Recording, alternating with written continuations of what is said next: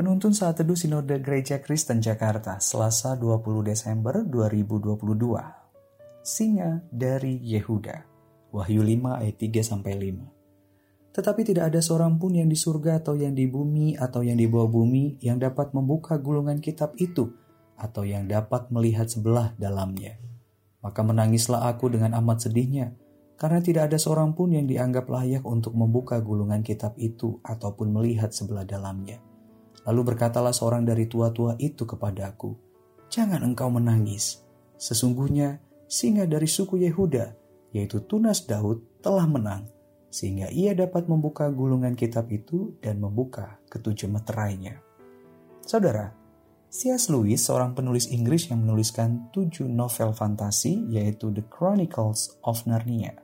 Salah satu dari tujuh novelnya diberi judul The Lion, The Witch, and the Wardrobe yang selesai pada akhir Maret 1949. Ada tokoh sentral yang dituliskan oleh Lewis dalam ketujuh novelnya tersebut, yaitu seekor singa besar yang disebut Aslan.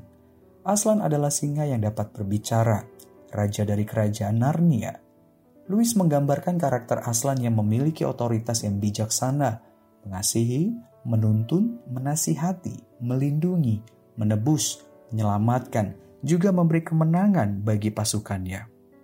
Saudara, Rasul Yohanes yang memperoleh penglihatan dari Allah melihat gulungan kitab dan ketujuh meterai tidak dapat dibuka oleh satu pun manusia termasuk dirinya. Hatinya sangat sedih, menyadari bahwa tidak ada satupun manusia dalam hal ini tua-tua yang dilihatnya dapat membuka gulungan kitab dan ketujuh meterai tersebut.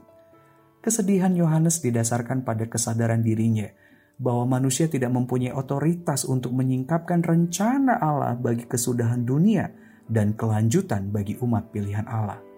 Kesedihan hati Yohanes segera terhiburkan dengan pernyataan dari seorang tua-tua yang berkata kepadanya bahwa Allah memberikan kuasa penuh kepada Kristus Yesus yang disebut sebagai singa dari suku Yehuda untuk membuka gulungan kitab dan ketujuh meterai tersebut singa dari suku Yehuda mengacu kepada Kristus Yesus yang berasal dari keturunan Yehuda, anak Yakub yang menggenapi janji tentang kemenangan Allah mengalahkan kejahatan. Kristus telah menaati Allah dengan sempurna hingga mati di kayu salib, bangkit dari kematian untuk mengalahkan kuasa dosa, maut, dan iblis. Allah mempercayakan masa depan dunia, kaum pilihannya ke dalam tangan Kristus, singa dari Yehuda. Saudara, kepada siapa kita mempercayakan hidup kita, baik saat ini maupun yang akan datang?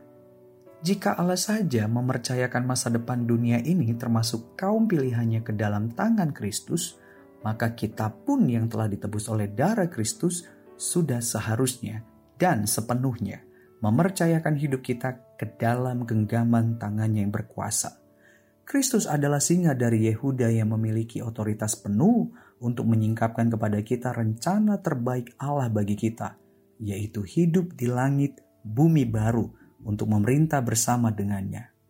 Dia juga yang telah memberikan kemenangan kepada kita atas kuasa dosa, maut, neraka, bahkan iblis.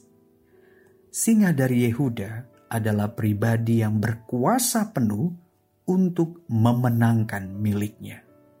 Tuhan Yesus memberkati.